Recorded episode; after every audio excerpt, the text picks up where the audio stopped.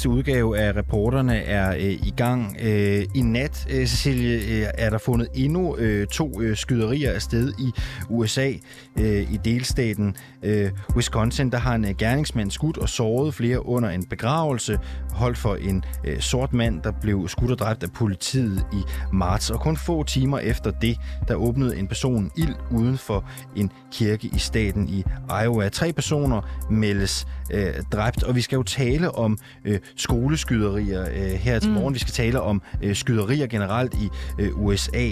Øh, det, der også er sket, er jo, at øh, i New York, som den første delstat, har hævet øh, aldersgrænsen for køb af øh, våben, og præsident øh, Joe øh, Biden, han opfordrer nu øh, til at forbyde salg af øh, angrebsvåben. Øh, Lidt senere her til morgen, der taler vi med Anne Alling. Hun er vores korrespondent i USA, og hun kan fortælle her til morgen, øh, at den øverste ledelse i USA's våbenlobby, NRA hedder mm-hmm. den, det er The National Rifle Association, de simpelthen gennem 20 år har udviklet en strategi for taler og reaktioner, hver gang der har været masseskyderier. Det sætter vi blandt andet fokus på her til morgen i uh, rapporten. Ja, vi ved det jo, fordi at der er lækket en optagelse, noget som øh, offentligheden ikke havde hørt før, altså direkte inden fra NRA's øh, møder, altså på det her område. Anne Alling stiller vi om til øh, lidt senere her på reporterne.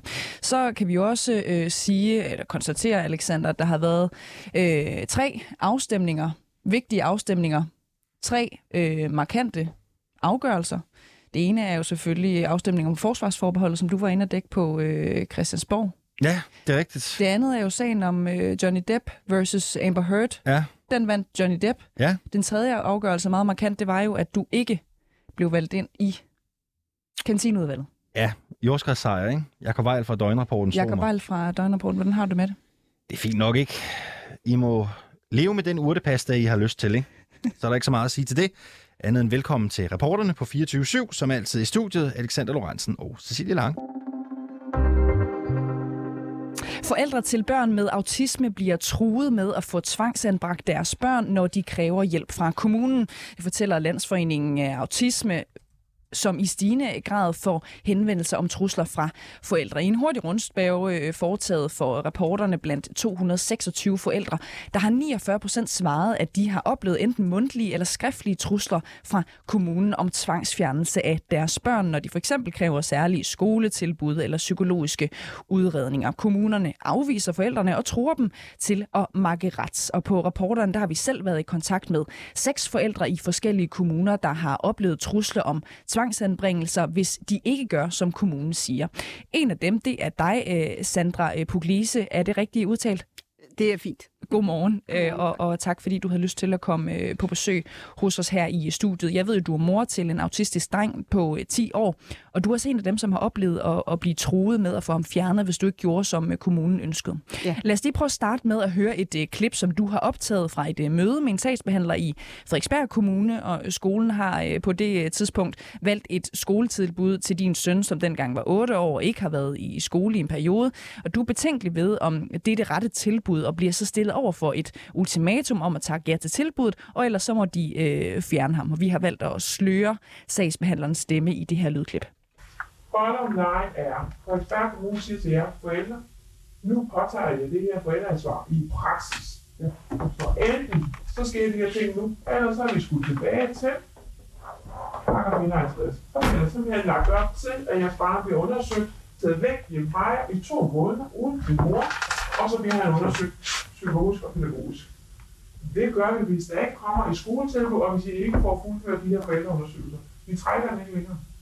Ja, på grund af sløringen, og det her jo også er en, en hemmelig optagelse, så opsummerer jeg lige, hvad der bliver sagt her øh, fra, fra sagsbehandlerens side, bliver der altså sagt, bottom line er, vi, Frederiksberg Kommune, siger til øh, jer forældre, nu påtager I jer det her forældreansvar i praksis.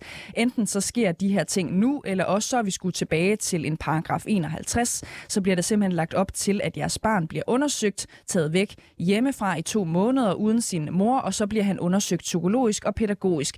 Det er det, vi ender med. Citat slut. Og vi kan jo lige nævne her, at den paragraf 51 undersøgelse, som øh, kommunen her varsler, det er den mest indgribende tvangsfjernelsesparagraf øh, paragraf, øh, som kommuner kun bruger i situationer, hvor man frygter alvorlig skade for barnet, og derfor fjerner øh, barnet akut uden øh, samtykke fra forældrene, og det er så i minimum tre måneder. Øhm, øh, øh Sandra, hvorfor var det, at din dreng ikke gik i skole i den her periode, som jo er det, der er grunden til, at kommunen tror med den her paragraf 51 øh, undersøgelse? Jamen, på daværende tidspunkt, der var øh, vi i venteposition. Øh, vi var tilflyttet kommunen i december måned fra en anden kommune, som nægtede at visitere til et passende skoletilbud. Øh, mødet her finder sted i marts måned. Øh, jeg har foreslået to skoler til kommunen, som har afvist øh, at kunne tage min søn ind. Og kommunen kommer så med det her forslag, men vi er slet ikke nået til, at jeg har engang mødt skolen endnu. Så vi sidder på et møde, hvor at, øh, jeg bliver truet med, hvis jeg ikke makker ret til at tage det her skoletilbud, jamen så øh, risikerer jeg, at min, min, min søn bliver fjernet. Mm. Jeg forsøger på det her møde, at øh, også forud for mødet, at få en dialog om bare én alternativ øh, skolemulighed, øh, og i øvrigt at få min søn udredt, øh, før at vi overhovedet øh, ja, øh, lægger os fast på et skoletilbud, mm. for at være sikker på, at det er det rette, han, han får. Ikke? Mm. Så din søn er ikke udredt på det her tidspunkt? Nej, Nej. det er han ikke. Men hvordan kan det så være, at du, at du ikke bare kunne acceptere det skoletilbud, som Frederiksberg Kommune kom med her? Altså, det var jo en, en special skole for børn med, med særlige udfordringer. Ja, det var faktisk en behandlingsskole. Jamen, blandt andet fordi han ikke var udredt, øh, og, og derfor var det jo svært at vide, hvad han egentlig rent faktisk havde af, af, af udfordringer. Øh, vi forældre, som øh, også på daværende tidspunkt øh, var skilt, øh, var ikke, altså vi var meget uenige om, og det vi stadig, hvad, øh, hvad vores søns øh, udfordringer er.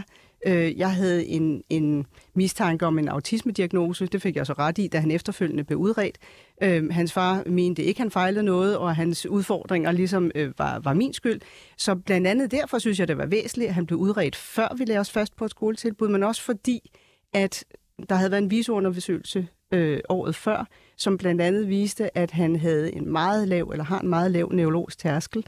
Øh, han har meget store sensoriske udfordringer, og ud fra, hvad jeg kunne undersøge mig frem til omkring Sputnik, som, som kommunen øh, ønskede, jamen så var de umiddelbart ikke det rette match øh, for mit barn. Så du ønskede altså en, en udredning, så I kunne finde ud af præcis, hvad din øh, søn havde af udfordringer, for dermed at kunne vælge den rigtige skole øh, for at medkomme hans øh, behov. Godt, godt. Præcis. Øhm, gjorde du så det, som kommunen sagde, du skulle? Du blev stillet et ultimatum her, som vi kan høre. Ja, jamen det gjorde jeg jo. Jeg, jeg følte ikke, jeg havde noget valg. Jeg havde en pistol for panden. Jeg tog ikke gøre andet.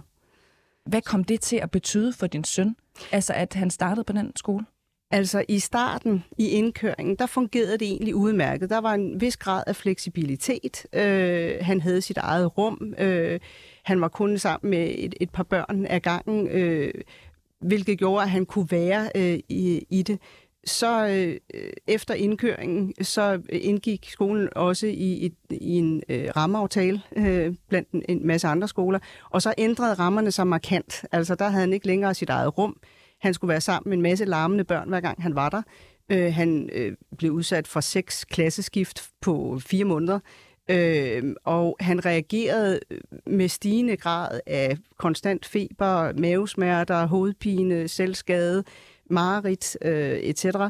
Øh, og det var efter, efterfølgende, eller sådan, øh, i løbet af, mm. af perioden med, med, med skolen, så øh, blev der også sat et, et forløb i gang med overvåget samvær i familieretshuset, øh, hvilket øh, triggede noget, altså noget retraumatisering og, og, og belastningsreaktioner hos ham, hvor han så oven i det med skolen fik øh, altså voldsom eksplosion af OCD-adfærd. Han vaskede hænder 50 gange om dagen. Han begyndte at kaste op. Han hallucinerede, etc. Men der var bare ingen forståelse fra skolen eller fra kommunens side om, at han havde det så skidt. Øh, og de valgte simpelthen øh, undervejs, når jeg blev nødt til at holde ham hjemme i samråd med egen læge, at registrere hans øh, fravær som ulovligt. Okay.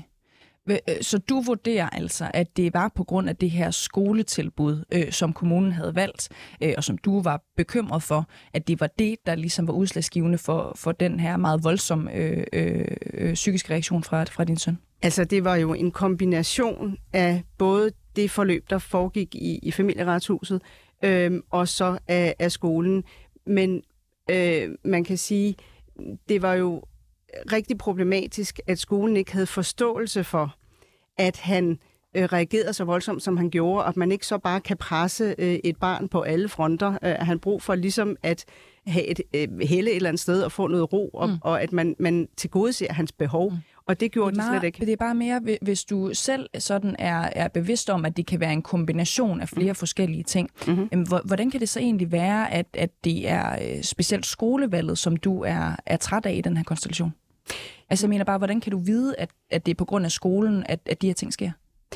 Jamen, jeg siger jo ikke, at det er kun, jeg siger jo ikke, at det kun er på grund af skolen, at de her ting sker. Jeg siger, at det er på grund af en kombination, men det ændrer jo ikke ved den trussel ved, at, at jeg bliver troet ved, hvis jeg ikke bare øh, siger ja, øh, og hvis jeg ikke bare sætter ham op i tid, jamen, øh, så får jeg nogle trusler omkring tvang. Øh, man kan sige igen, det var problematisk. Undervejs blev han udredt, Øhm, og, og det viste sig også, at han havde x antal diagnoser. Jeg havde en ergoterapeut på på sidelinjen, øhm, som forsøgte at fortælle skolen, at han havde altså brug for øh, en, en, en støj, et støjreduceret miljø, et stimulireduceret miljø, øh, eget rum, etc., fordi hans nervesystem var så belastet. Mm. Øhm, og det kunne og, og ville skolen ikke øh, imødekomme.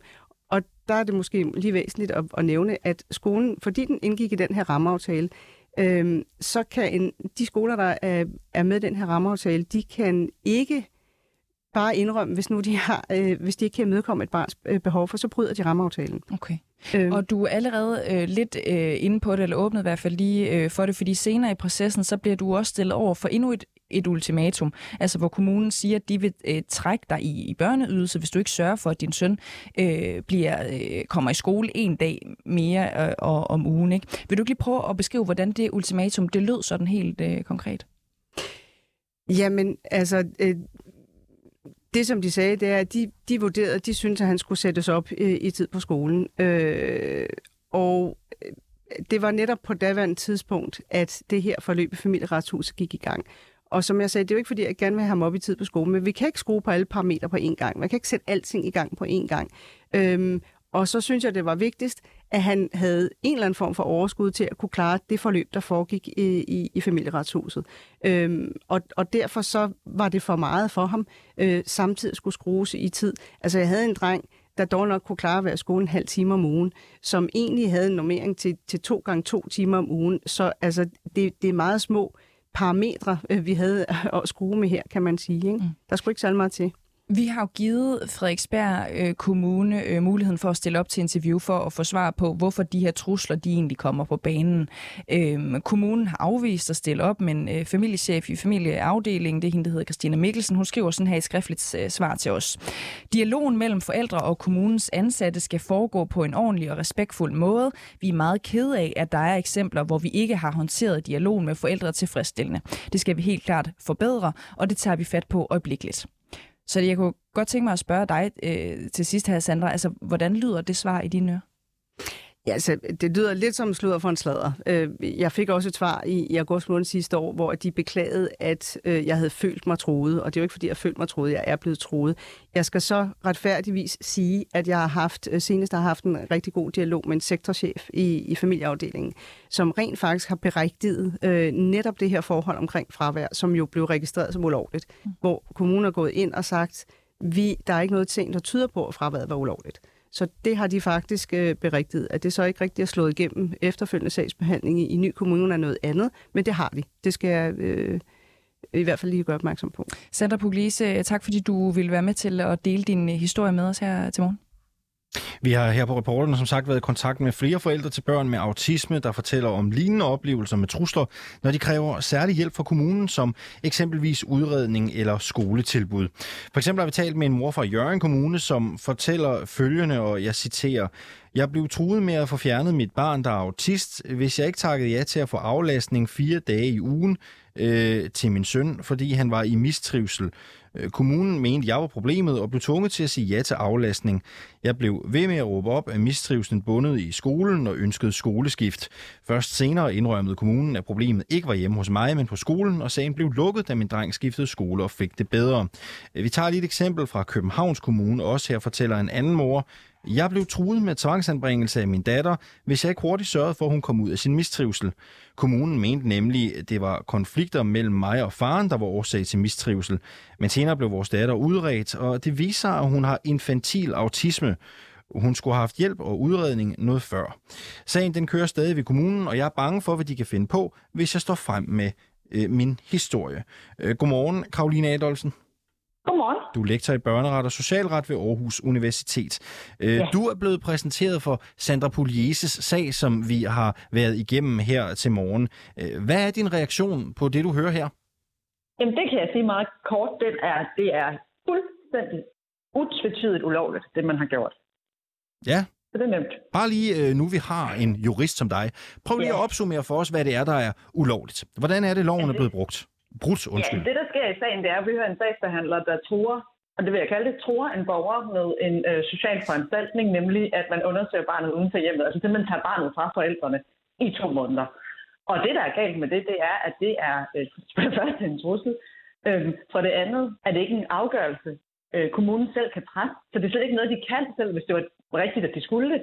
Og for det tredje, så er det altså op til to måneder. Det er ikke per automatik to måneder. Så det, vi har en sagsbehandler, der tror med noget, som er fuldstændig klart ulovligt, og som sagsbehandleren slet ikke har kompetence til. Ja. Har de brudt loven på andre måder, eller, øh, eller hvad? Altså, det er jo med? nok.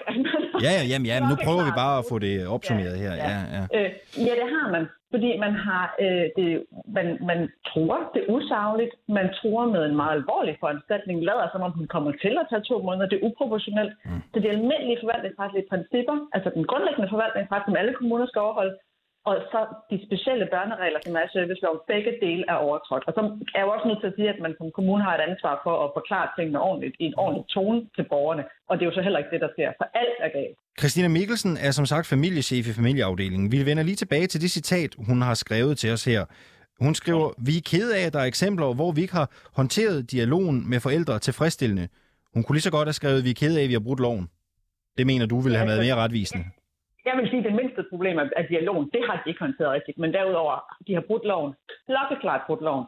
Så derfor forventer jeg da en klar undskyldning fra en kommune som Frederiksberg Kommune. Ja. Hvad risikerer de egentlig?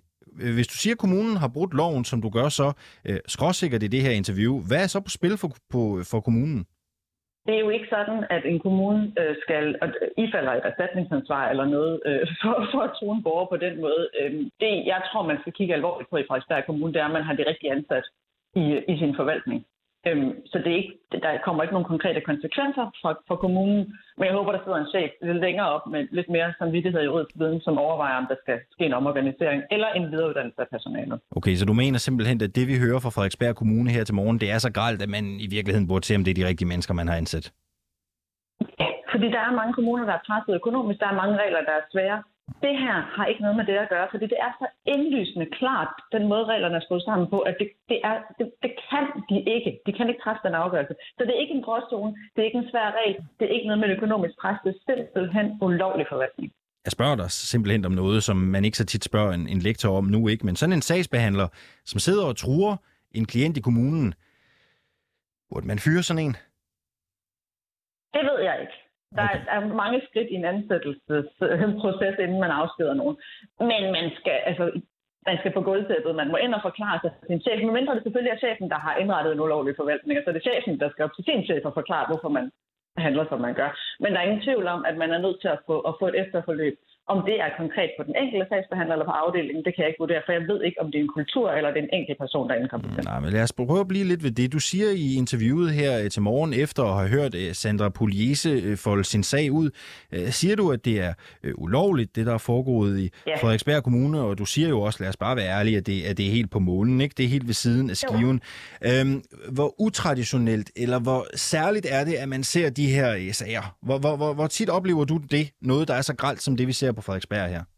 Altså, jeg vil godt starte med at sige, at jeg har set rigtig, rigtig, rigtig, rigtig mange sager med børn, der, der har skoleværing, og som har de her komplekse problemer, som vi også hører i den her sag. Og jeg har aldrig, aldrig, heller ikke i de mest pressede økonomiske kommuner, aldrig hørt om en sag, hvor det er så indlysende ulovligt, det der sker. Så det her er noget helt særligt? Det er noget helt særligt. Mm. Øhm, kan man på en eller anden måde forsvare, for hvis vi nu prøver at vende den om, ikke? kan man forsvare, at kommunen bliver skarpere i retorikken, hvis den har haft en længerevarende sag kørende med forældre, hvor det jo i sidste ende altså også er kommunens ansvar, at barnet kommer i skole og er i trivsel? Øh, altså, skarpere i retorikken? Nej, det kan man ikke, fordi det er borgeren, der er kendt, og kommunen, der er den voksne. Det er kommunen, der er ansvarlig. Men det er klart, hvis vi er i en situation, hvor det forældrene laver skader barnet, så er man som kommune nødt til at sige, det I gør nu, det udsætter jeres barn for, for øh, yderligere øh, problemer. Det gør, at jeres barn bliver mere sårbart. Og vi kan, så, kan vi altså ikke, altså, så er vi nødt til at prøve at forholde os til, om vi kan gøre noget andet. Men, men de kan ikke gøre altså man har ikke kompetencen til at sige det, man vil gøre, så det er fuldstændig uden for skive. Så skulle man sige, så er vi nødt til at overveje, om I kan varetage jeres forældreopgave. Det er ikke os, der vurderer det. Så skal sagen videre til det her organ. Så det er på den måde, man skal forklare det. Men man kan ikke sige, hvis ikke I gør sådan her, så gør vi det her. Fordi sådan kan man altså ikke træffe afgørelse af en forvaltning. En ting, der er gået igen i de her sager, det er jo forældre, der er bange for at stå frem, og derfor har vi også ja. flere anonyme kilder undervejs, øh, og vi har brugt dem i vores dækning de seneste to måneder. Ikke? De er bange for, at kommunen sanktionerer dem yderligere. Det kan for eksempel være at få nedsat deres samværstid med deres øh, børn, hvis børnene allerede er tvangsfjernet. Ja. Prøv hvad tænker du som øh, jurist om, at øh, vi i retsstaten Danmark har forældre, som er bange for at øh, stå frem, når de i virkeligheden har været udsat for noget, der er ulovligt? Jeg skal, jeg skal lige starte med at sige, at det er ikke altid, man har været udsat for noget ulovligt, fordi man oplever, at man har det. Men det er også, hvis et barn er tvangsanbragt, altså uanset hvem forældrene er, kommunens ansvar at sikre en klar kommunikation og få forklaret det ordentligt til forældrene, hvorfor vi gør det, vi gør. Og kommunen er jo nødt til, øh, kommunen ved jo godt selv, at de må for eksempel ikke træffe nogen i, trække nogen i kontanthjælp, fordi det ikke gør, hvad de skal i en børnesag, eller nedsætte samværet, fordi forældrene er irriterende, eller hvad det nu skal være. Så kommunen er jo nødt til at, at, at kunne holde hovedet koldt og forklare, nu snakker vi om det her. Øh, det er det her, vi fokuserer på lige nu, og vi kommer selvfølgelig ikke til at starte en sag om at afbryde dit samvær, fordi du bliver ved med at spørge om mere samvær, eller fordi du bliver ved med at spørge om en anden form for støtte. Det er bare mere, Adolfsen, her til sidst, og det er fordi øh, tiden er kort, så du har mange ja. ord, øh, du har meget på hjerte, ikke? Og, og, og jeg har jo meget, jeg gerne spørge om. Bare kort ja. her til sidst. Øh, det er bare for at finde ud af, om du mener, at det vi ser med øh, Frederiksberg Kommune og Sandra Pugliese her til morgen, og forældre, som er bange for at øh, stå frem, hvis de på en eller anden måde føler, at de har været udsat for noget, der ikke er rigtigt, og de mm. føler noget kan være ulovligt. Mm. Er det retsstaten værdigt, det vi ser? Nej, nej, nej, nej, det er helt uacceptabelt. Det er fuldstændig, det er ligesom, det er ligesom en borger, der oplever at komme i fængsel uden at vide, hvad de er dømt for. Det er helt, helt uacceptabelt. Og det er kommunens opgave at informere dem om, hvad det er, der sker. Således lød det fra Karoline Adolfsen. Tak fordi du var med her til morgen. Velbekomme. Altså lektor i børneret og socialret ved Aarhus Universitet. Og Alexander Rohn har efterhånden øh, lagt sig efter et historisk øh, valg i onsdags, hvor danskerne sagde ja til at afskaffe forsvarsforbeholdet. På tabersiden stod Dansk Folkeparti på flere parametre, kunne man måske godt øh, fristes til at sige. Det var sgu en vild dag. Ja, var det ikke øh, voldsomt? Der var dårlig stemning. De lukkede 21.40 festen på Christiansborg. Hold op. Og det plejer de ellers ikke, vel? Christian Tulsendal kom jo ikke. Nej, jeg ved det. Men det er blandt andet det, vi skal tale om Han kom heller ikke til gruppemødet i går. Nej, det er det. Og ja. det er faktisk det, vi skal dykke en lille smule mere øh, ned i øh, nu. Som sagt, Morten Messersmith fik jo ikke det nej, han øh, drømte om, og partiets tidligere formand, øh, Christian Tulsendal, mødte ikke op til partiets øh, valgfest på øh, Christiansborg. Torsdag, der meldte han så også afbud til øh, gruppemødet. Bent Winter, godmorgen. Godmorgen. Politisk kommentator på øh, Berlingske. Når Christian Tulsendal, han var torsdag ude og kalde hele polemikken omkring hans øh, fravær for en vild overreaktion. Har han ret i det? Nej, det synes jeg ikke, han har. Altså, jeg synes, at, øh, at, at han må være opmærksom på, at øh, alles øjne hviler på ham, øh, fordi der har været øh, den her, kan man sige, de her øh, skamysler mellem ham og Pia Kærsgaard og, og Morten Messerschmidt. Så alle, alle hans træk, øh, han gør, øh, vil blive lagt mærke til. Og jeg øh, hælder mest til, at øh, udblivelsen fra den der fest og fra gruppemødet dagen efter var, var, var meget bevidst for at skabe noget opmærksomhed omkring, øh, omkring ham selv. Hvad skulle han haft øh, af incitament for at gøre det? Altså det, som alle jo øh, gætter på, det er, at, øh, at han er på vej ud af partiet. Øh, enten bare ud, eller også øh, over til et, øh, et parti, som, øh, som øh, Inger Støjberg forventede sig at danne her inden øh, alt for længe. Og, og, og i det øh, spil øh, er der jo også en, en interesse for ham i at, og, og, og måske øh, prøve at hive nogle flere medlemmer med over fra Dansk Folkeparti, og, og i hvert fald øh, skabe en situation, hvor, øh, hvor Dansk Folkeparti ikke står alt for godt. Mm. Og, og torsdag så havde vi jo så også en situation, hvor fire af partiets største profiler, de var simpelthen i gang med en, en, en regulær mundhuggerkrig. Altså Messerschmidt, Pia Kærsgaard, Søren Espersen og, og Christian Tulsendal. Altså hvor stor er krisen i Dansk Folkeparti, når partiets mest fremtidende øh, medlemmer på den her måde, ja, skal vi kalde det, går, går i flæsket på hinanden i medierne? Altså det, det viser i hvert fald, at, øh, at nerverne sidder næsten uden på tøjet øh, i, i det parti, når sådan en, en, en, en, en lille ting, skulle man tro, øh, kan blive øh, så stor og, og, og kan man sige, på, den, på en eller anden måde få øh, de konsekvenser, den får. Men man skal jo huske, at det er et parti, som hvis øh, man går tilbage fra øh, folketingsvalget i, i 19 og Europaparlamentsvalget og i, i øh, kommunalvalget sidste år, er virkelig blevet fået øh, rigtig mange øh, vælgertæske og, og er blevet et, øh, et meget mindre parti, end det, end det var før. Øh, og så har de så skiftet formand, og formanden blev ligesom øh, sat ind, fordi han skulle sælge nogle flere billetter, mm. fordi man ikke rigtig troede på Tulsendal længere.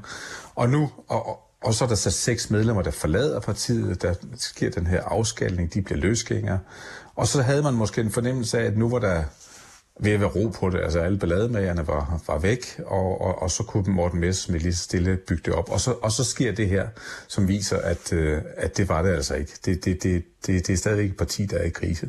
Lad os lige prøve at blive ved de rygter, som jo også sviger omkring Christian Tulsendal og øh, et potentielt, øh, potentielt afhopper over til øh, ja, et endnu et potentielt øh, øh parti, som Inger Støjberg måske stifter herinde for den kommende tid. Hvor sandsynligt er det, at Christian Tulsendal bliver en del af af det nye parti, hvis det er? Altså, det er jo sådan en sag, der er omgivet med en, en, en, en masse mystik, for man kan bare konstatere, at, øh, at han udtaler sig øh, uldent omkring det. Øh, han, når han får nogle spørgsmål, så væver han. Han, han deltager i Inger Støjbergs øh, EU-kampagne. Han tager over og holder en tale, eller, eller han tager over til hendes... Hvad var det her release party, hvor hun bliver løsladt, og, og, og, og, og så videre. Og er meget tæt på hende, taler meget om hende, og har i virkeligheden gjort det det sidste år, øh, siden hun øh, forlod Venstre, eller halvandet år. Så, så, så, så der, der er jo et eller andet der, som, som han går og, og, og håber på. Hvis man så ser det udefra øh, og, og, og ser logisk på det, og Inger Støjberg virkelig danner, danner det her parti, som mm. man skulle tro, at i hvert fald har en, en, en tiltrækning i, i, i det jyske, så vil det jo være øh, fordelagtigt for ham at gøre det. Mm. Hvem ellers i Dansk Folkeparti kunne finde på at gå med over til Inger Støjberg, hvis hun stifter nyt parti? Altså umiddelbart, så tror jeg ikke, der er nogen... Altså det, der, der kan selvfølgelig være en masse lokale, øh, men hvis du ser på Folketingsgruppen, så tror jeg ikke, der er nogen i den nuværende Folketingsgruppe, der umiddelbart kunne finde på det. Men hvis nu man forestiller sig et parti, som også får en vis øh, succes i meningsmålingerne, og Inge Støjberg måske virkelig vokser og måske bliver større end den Dansk Folkeparti, så vil det jo være nogen, der siger, jamen prøv at høre, der er mine chancer er jo større øh, derovre, og det er måske de to partier, der på mange strækninger øh, ligner hinanden. Så der kan sagtens komme øh, øh, en, en virkelig øh, hård rivalisering mellem sådan to partier. Mm. Øhm, for bare lige blive lidt ved det der øh, potentielle nye parti, hvilken type projekt kan vi forvente, at Inger Støjberg eventuelt med en Tulsendal på, øh, på sidelinjen som, som kronprins, hvilket projekt kan vi, kan vi regne med, at det bliver? Altså, altså indtil videre ligner du noget, som, som ligner meget Dansk Folkeparti, måske bare øh, gange to, hvis man, hvis man kan sige det. Men fordi det, det som øh, Inger Støjberg øh, lægger op til, hun siger sådan, øh, at hun tog øh, 60 dage for, for barnebrudene, øh, og, og, og hun siger nogle ting, som... Øh, hvor, hvor, hvor man siger, det, det, det minder om et eller andet, vi kender fra, fra, fra Donald Trump. Altså, det, det, en, en, en retorik, hvor, hvor man ligesom er sådan lidt ligeglad med, hvad, hvad, hvad, hvad, hvad realiteterne er, men, men øh, går ud og siger noget, fordi man har den, øh, den, den karisma, som, som Inger Støjberg har. Så jeg tror, jeg tror vi, vi vil se et, øh, et højrefløjsparti, som, uh, som er endnu vildere end det, vi, vi, har, vi har oplevet tidligere, både med Nye Borgerlige og, og Dansk Folkeparti. Mm. Nu lister jeg bare lige nogle partinavne. Ikke? Venstre, Konservative, de gamle bastioner, så har vi Dansk Folkeparti, så har vi Liberal Alliance, så har vi Nye Borgerlige. Øh, så må jeg heller ikke glemme Lars Lykkes øh, projekt Moderaterne. Er der, mm. øh, Bent Winter, overhovedet plads til endnu et blot parti i Blå Blok? Altså, det er i hvert fald, der er i hvert fald trængsel i, i, i Blå Blok, Øh, og der bliver, der bliver hård kamp øh, om, om stemmerne, hvis de alle sammen øh, bliver opstillingsberettiget, eller hvis Inger Støjberg bliver opstillingsberettiget, og det overhovedet bliver til et parti. Øh, altså, man kan sige, at der, der, er jo, der er jo formentlig ikke plads til dem alle, øh, men det bliver jo så øh, den, den bedste, der vinder øh, i en, en kamp, som også en valgkamp, som kommer til at foregå også internt, ikke kun mellem rød og blå blok, men også internt i den blå blok, mm. hvor, hvor man vil forsøge at stjæle med sig stemmer fra hinanden. Bent Winter, politisk kommentator fra Berlingske. Tak fordi du var med her til morgen. Det var så lidt. Alexander, altså jeg har også lyst til bare lige at debriefe med dig, fordi ja. I var jo som sagt et stærkt hold inde, og jeg blev desværre forhindret at have en allergisk reaktion i mm. hele øh, den ene øh, halvdel af ansigtet. Øh, var inde at sende på Christiansborg? Ja. Live? Og Dansk Folkeparti fyldte du selvfølgelig også noget den aften, Det ikke? gjorde, altså det kunne jeg jo fornemme. Øhm, det er jo lidt interessant, ikke? Altså, øh, det går jo ikke rigtig op for nogen øh, i Dansk Folkeparti eller pressen, at Christian Thulsen Dahl ikke dukker op til festen, før han ligesom skriver på Twitter, at han øh, skal til et familiearrangement, en gammel tradition, ikke? Og så kan man jo sige øh, lidt pudsigt, at øh, holde fast i en, øh, eller genoptage en gammel øh, tradition, der ikke er blevet holdt i hævd siden, var det 94 eller sådan noget, Christian Tulsendal har svaret. Ikke? Altså, øh, det lyder en lille smule øh, mærkeligt. Øh, klart en tung aften for Dansk Folkeparti. Alle dem, vi talte med, forsøgte ligesom at give indtrykket af, at det var en god aften, og nu havde man jo hørt folket. Men det ændrer jo altså ikke ved, at Dansk Folkeparti har brugt tæt på en million kroner i kampagnen. Ikke? 950.000 har partiet brugt øh, på at føre øh, kampagne kampagne op til øh, folkeafstemningen. Det her, det er øh, Dansk Folkeparti øh, hjerteblod, ikke? Det er Morten Messersmith, der får lov til at stå med traktaterne og udlægge den juridiske tekst, og så bliver det så øh, massivt et nej, ikke? Altså, det er jo øh, det kan man ikke komme udenom. Det er jo endnu et søm i det, mange måske mener er Dansk Folkepartis lige. Ikke? Hvad sagde folk om, øh, hvorvidt det her var en bevidst handling? Altså, hvorvidt at det her er et øh, mini-attentat indenfra? Altså, øh, er han ikke dukket op til festen, ja, tænker du? Ja. Ja, altså det bliver der jo selvfølgelig spekuleret en, en del i, ikke? Altså det kan jo reelt set være, øh, det har vi jo alle sammen prøvet, at der kan ske et eller andet i en familie, der gør, at man er forhindret. Mm. Øh, men så kunne man jo bare have sagt det. Og I stedet for at sige, at det var en gammel tradition. Skrevet en sms lige, måske mm. direkte til formanden, i stedet for at skrive Og så skal man jo også huske, øh, Cecilie, det her var afstemning om forsvarsforbeholdet. Ja. Christian Tulsendal er forsvarsordfører. Så det er mærkeligt, at han ikke er der. Det er jo ham, alle gerne vil tale med den aften, ikke? Udover øh, Morten Messerschmidt. Jeg, jeg tænker, øh, der er ikke noget, der hedder dårlig timing i politik. Alting har en forklaring. Også når man ikke dukker op til sin egen fest, ikke? Vi følger selvfølgelig op her på øh, reporterne. Du lytter til øh, netop os, Alexander og Cecilie i øh, studiet.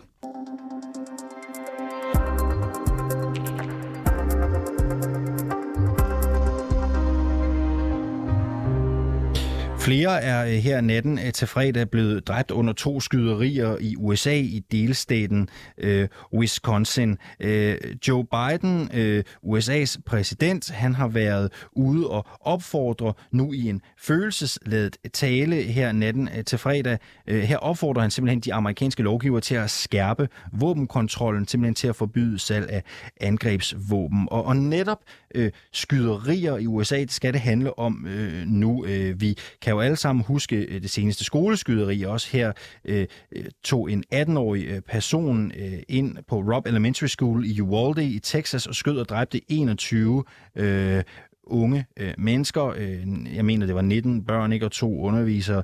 Øh, og, og hele øh, det, vi ser i USA lige nu, har altså atter sat den amerikanske våbendebat på spidsen. Her til morgen kan vi fortælle om øh, hemmelige optagelser, der afslører, hvordan den allerøverste ledelse i USA's magtfulde våbenlobby, NRA, det er The National Rifle Association, gennem 20 år har udviklet en strategi for deres taler og reaktioner, hver gang der har været masseskyderier. Og ikke mindst fodret politikerne med dem, som lobbyismeorganisationer jo også gør. Godmorgen, Anne Lalling. Godmorgen. Du er, poli- du er korrespondent, undskyld, 24-7's korrespondent i øh, USA. Hvor opsigtsvækkende er de her optagelser? De er meget opsigtsvækkende. De giver et øh, fuldstændig unikt og et helt hidtil, altså helt ukendt indblik i NRA's altså maskinrum. Det, der er tale om, det er nogle hemmelige optagelser af et telefonmøde øh, mellem altså den aller, aller øverste ledelse i NRA, som har sådan et krisemøde for ja, 23 år siden, lige efter Columbine skoleskyderiet, som jeg er sikker på, at der er rigtig mange, der kan, der kan huske, eller i hvert fald har hørt om. Øhm, og kort efter det her masseskyderi, jamen, der, skal, der skal NRA holde deres årlige konference i Denver, som ligger lige ved siden af, hvor masseskyderiet var sket. Og de sidder altså nu og skal diskutere, hvad de gør. Kan de holde den her konference? Kan de ikke?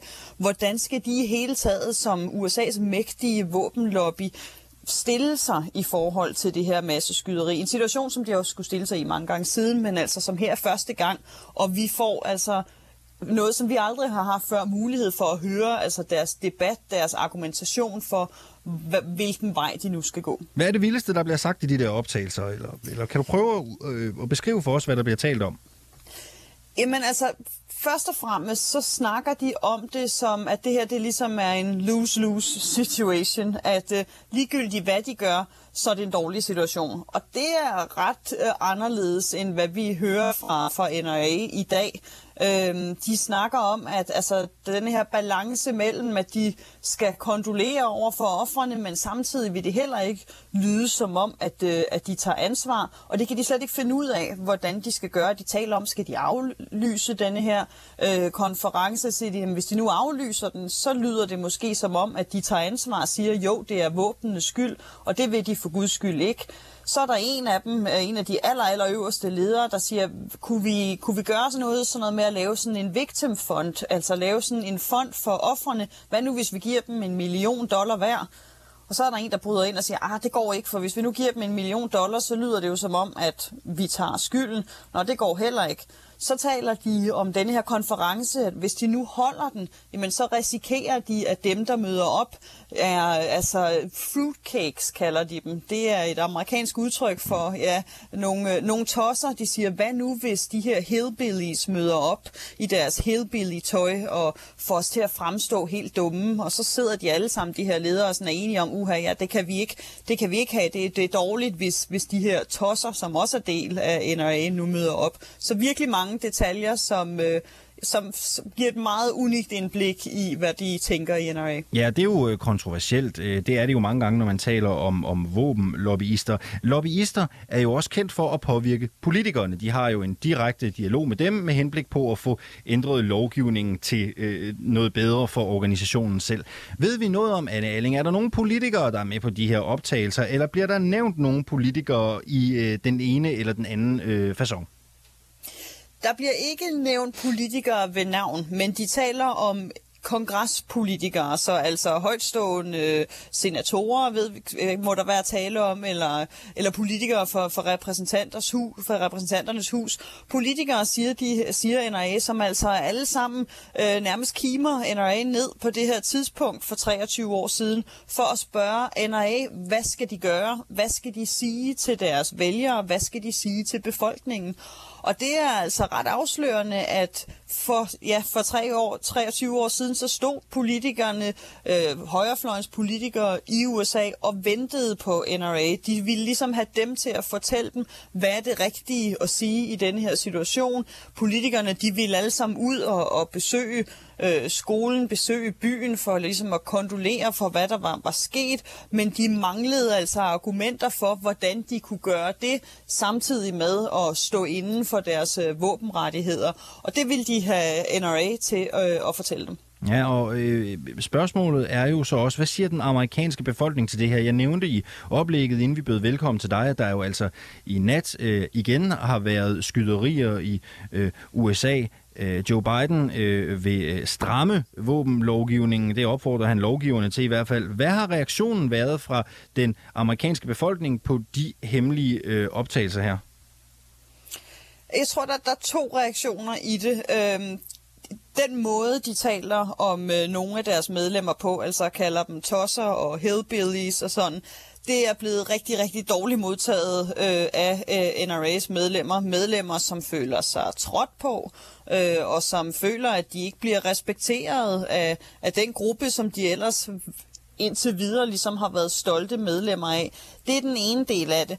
Så er der ligesom hele deres strategi, øhm, som jo måske det mest overraskende er, hvordan er den strategi, som de for 23 år siden virkelig fakter noget i blinde for at nå frem til, de er meget... Øh, de, de kan ikke blive enige om, hvad der er den rigtige måde at gøre det på, og de har denne her, lyder det som om, sådan meget store skepsis om, om det her nu er det rigtige at gøre, om, de ikke, om man skal ligesom gøre mere for at række hånden ud til, til offerne.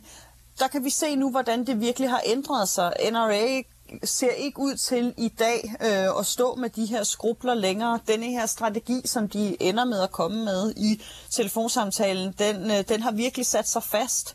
Øhm, og det er måske det, der er mest beværkelsesværdigt, øh, hvordan vi kan se, at, at den konklusion, de når frem til i øh, mødet, jamen det netop er det, som virkelig, virkelig har groet sig fast på højrefløjen som argumenter øh, i dag efter skoleskyderier øh, og for våbenlovgivningen, at det nærmest ligger på ryggraden nu, både hos NRA, men altså også hos republikanske politikere og republikanske borgere om, hvad reaktionen er fra, fra højrefløjens side, når de her masse skyderier sker. Hvad kommer det her til at betyde for The National Rifle Association, som jo er en stærk interesseorganisation? Hvad, hvad kommer det her til at betyde betyde for deres, øh, deres sådan vilkår, deres impact i det amerikanske samfund?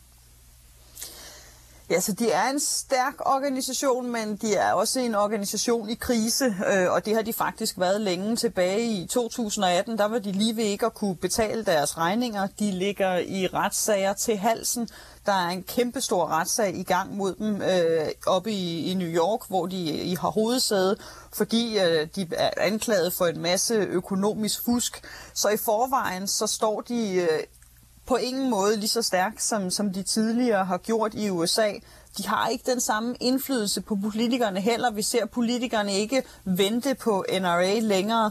Øh, dagsordenen er ligesom sat, har sat sig fast, så både politikere og, og, og den republikanske befolkning, de, de kører ligesom lidt uden at, at behøve at vente på NRA. Så på den måde har NRA mistet en del indflydelse, og derfor jamen, så er et læk som det her også virkelig, virkelig dårligt for dem, fordi det på, på ingen måde gør, gør deres ry, deres situation og mulighed for ligesom at vinde kontrol øh, bedre. Nej, og du har jo føling med, hvad der sker i det amerikanske øh, samfund. Du følger med i medierne, du taler med amerikanerne. Nu har Biden, som sagt, i en tale natten til i dag været ude og opfordre de amerikanske lovgivere til at skærpe øh, våbenkontrollen. Han taler decideret om at øh, forbyde salg af angrebsvåben.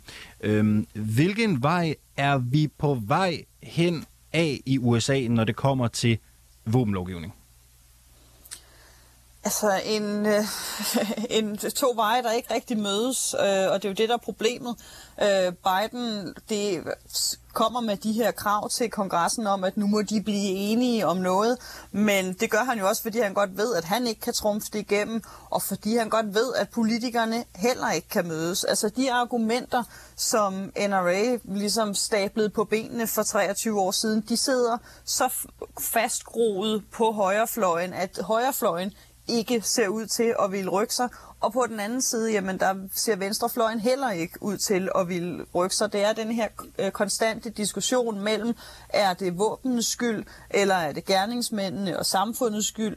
Øh, og det kan de to fløje ikke blive enige om. Så selvom at Biden holder denne her meget følelsesladede sådan dundretale og siger, at nu bliver der nødt til at blive gjort noget, så er det lige nu svært at få øje på, hvordan, de skal, hvordan politikerne skal mødes øh, om et øh, kompromis, og endnu sværere måske at få øje på, hvordan de skal gøre det, når vi når hen mod midtvejsvalget, og måske efter midtvejsvalget, hvor republikanerne ser ud til at kunne vinde flere sæder i kongressen. Her til sidst, hvordan er de her optagelser overhovedet slået ud? Jamen, det er de ved, at øh, en af de øh, ledere så af NRA, som sad med i det her telefonmøde for 23 år siden, han optog det. Og han har så nu anonymt lækket de her optagelser øh, til mediet øh, NPR. Det er en, øh, en journalist på NPR, som har også skrevet bøger om, øh, om højrefløjen og om NRA's øh, våbenlovgivning. Så, øh, så denne her anonyme kilde for NRA har altså lækket den til øh, denne her journalist. Også et tegn på, at der er noget af en øh, krise i gang internt i NRA. Anne Alling, 24-7's øh, korrespondent i USA. Tak fordi du var med øh, her øh, til morgen. velbekomme. Og Alexander, her til morgen, der kan vi også på reporterne afsløre, at landets øh, borgmestre tidligere på ugen fik en mundtlig orientering fra KL, Kommunernes øh, Landsforening og øh, Finansministeriet om, at der skal spares 1,4 milliarder på kommunernes servicebudget, som det hedder. Og det kommer til at gå ud over det specialiserede socialområde herunder øh, øh, fra familier og børn med handicap. Det siger to borgmestre til os her på 24-7. Meldingen om øh, besparelser kommer i kølvandet på det storstilede handicapudspil, som regeringen tidligere på ugen kom med, og som kommunernes landsforening allerede har kritiseret for at være underfinansieret. En af dem, der mener, at øh, den her besparelse kommer til at få en række negative konsekvenser, det er dig, Kasper Eising Olesen. Øh, godmorgen. Godmorgen. Du er socialdemokratisk borgmester i Kærteminde. Kasper Eising Olesen, hvad frygter du kommer til at ske med de her besparelser på området? Jamen lige nu her, der er der jo ikke nogen steder, hvor, hvor der er sagt, at det er nogle bestemte områder, der skal være en besparelse. Det vi kan se ind i som kommuner, det er, når vi tager det serviceniveau, der er rundt om i alle kommunerne, og så fremskriver det til næste år, så, altså når vi har kigget på, hvad er det for, hvor mange flere borgere har brug for den hjælp, som vi i dag tilbyder vores borgere, der står i øh, forskellige situationer. Uh, så kan vi jo se ind i, at uh, der vil være cirka 1 kvart milliard, der skal bruges på demografien, altså vi får flere børn, der kommer flere ældre, 500, 500 millioner mere på, på sundhedsområdet, og så kan vi jo se, at det specialiserede område er igennem de seneste år stedet med, sted med 8 og 900 millioner om året. Og hvis vi antager det, gør det så også til næste år, så står vi jo sådan set, at skal bruge tæt på 2,7 millioner øh, eller 2,7 milliarder til næste år for at kunne fastholde det serviceniveau, vi har. Og når vi så lytter på de udmeldinger, der kommer fra Finansministeriet, nu her, hvor de sætter i gang med, med økonomiforhandlingerne om, hvor mange penge og hvor meget ramme får vi ud til kommunerne, så lyder, så lyder det jo, at vi får til demografien. Og det gør jo, at så står vi med 1,4 milliarder, som vi ikke kan lave den service for, som vi gør i dag. Og det vil jo så gøre, at samtlige danske kommuner skal til at kigge på deres serviceniveau. Mm. Og hvem øh, frygter du, at det kommer til at gå hårdest ud over? Jamen, det, det må jo være op til det enkelte byråd. Men øh, når vi nu siger, at demografien den øh, får pengene, det, det vil jo sådan set sige, øh, hvis man så skal følge i det, som der ligger i det, det er jo, at øh, så skal der i hvert fald gives pengene videre til de ældre. Øh, der er også lavet minimumsnummeringer, så der kan vi heller ikke kigge på det. Og, og det værste til, du kan jo høre, hvad det er for nogle områder, jeg snakker om, det er jo de helt mm-hmm.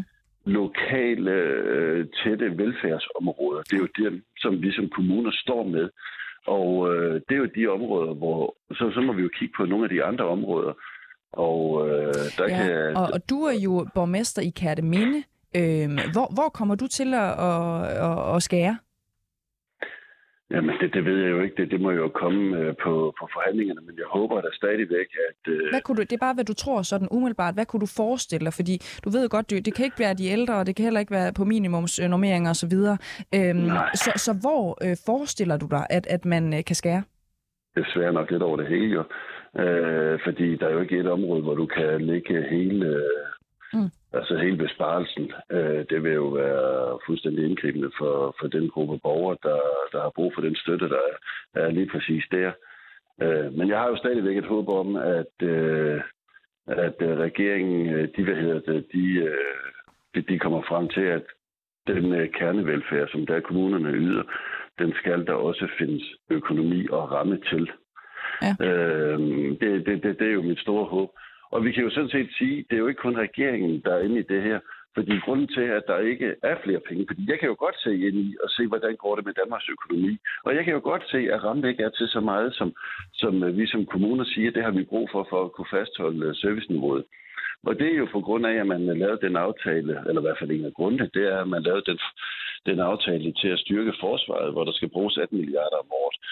Og det er helt fair, hvis det er det, Christiansborg de ønsker at gøre så, så er det jo det, de må gøre. Men det, de så bare skal huske... Lad mig bare lige spørge ind til det. Så ja. du mener, at det, at man øh, afsætter flere penge til forsvaret, øh, nu går ud over de øh, personnære opgaver i kommunerne? Ja, det gør det jo. Altså, du kan jo kun bruge penge én gang. Så når du nu bruger 18 milliarder mere om året på forsvar, så er der jo færre penge til at bruge til andre ting i kommunerne. Det, altså, det, det, det er jo logik. Og det synes jeg egentlig, hvis det er det, som man fra Christiansborg vil prioritere, så er det jo bare det, de må sige.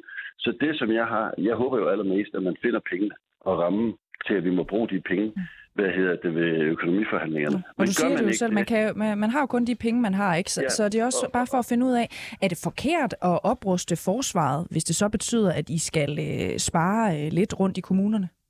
Jamen, der, der er det altså, det var det, jeg forsøgte at sige før. Mm. Det er jo det, som Christiansborg-politikerne jo så må gå ud og sige. De må bare ikke oversælge den økonomiaftale, de gør, fordi så skaber de nogle forventninger hos alle borgere. Og den kan vi så ikke leve op til ude i kommunerne. Og det er generelt, det er ikke bare kalamine, det er generelt, det kan vi ikke.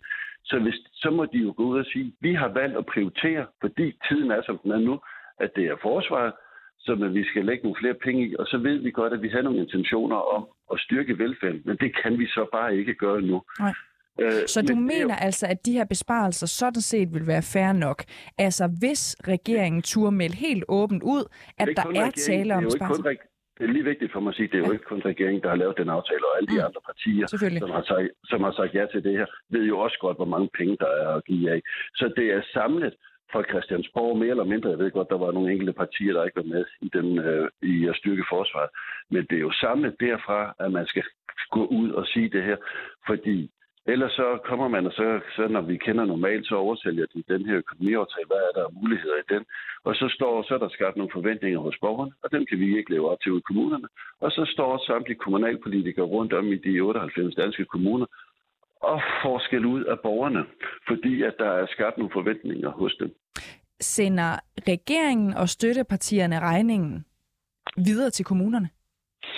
Ikke hvis de tør tage ansvar og fortælle, at det er sådan, at de handler. Det, er sådan, Jamen, de det ser det jo ikke ud til, at de gør lige nu, vel? Nej, så sender de i hvert fald øh, den uh, ubehagelige opgave videre til os. Hvordan føles det egentlig? Ja, det føles ikke ret godt, og det er jo også derfor, at øh, vi, vi siger det nu her jo.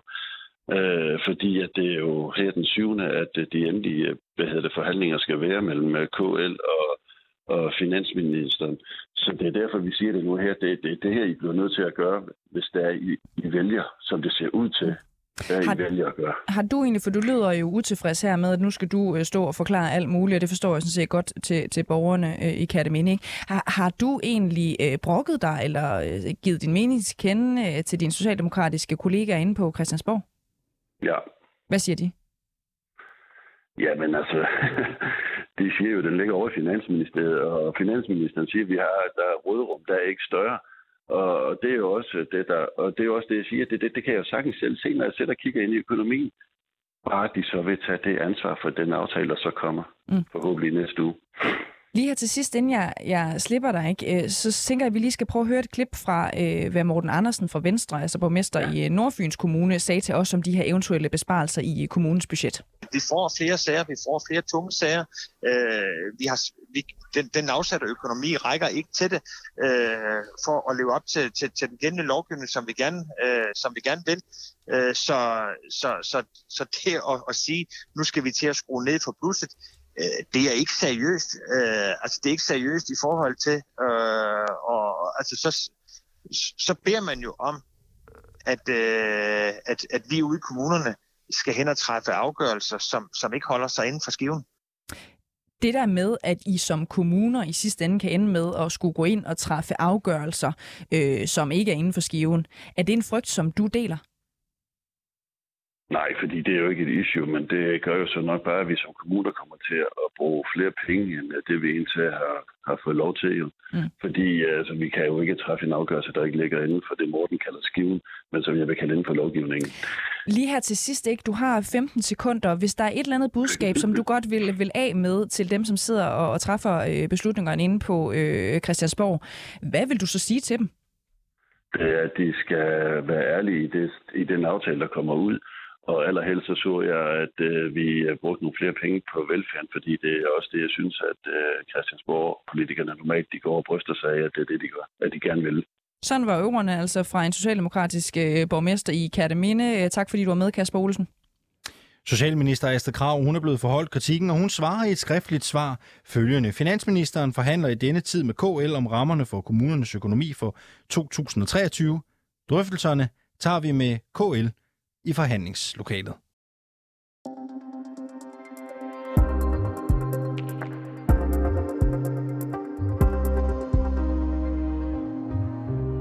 Og Silje, vi har ikke mere på programmet øh, i reporterne øh, den her morgen. Øh, Mathias Damborg har produceret for os, og husk, at man jo altid kan finde øh, den her udsendelse eller andre udsendelser fra reporterne, der hvor man henter sin podcasts.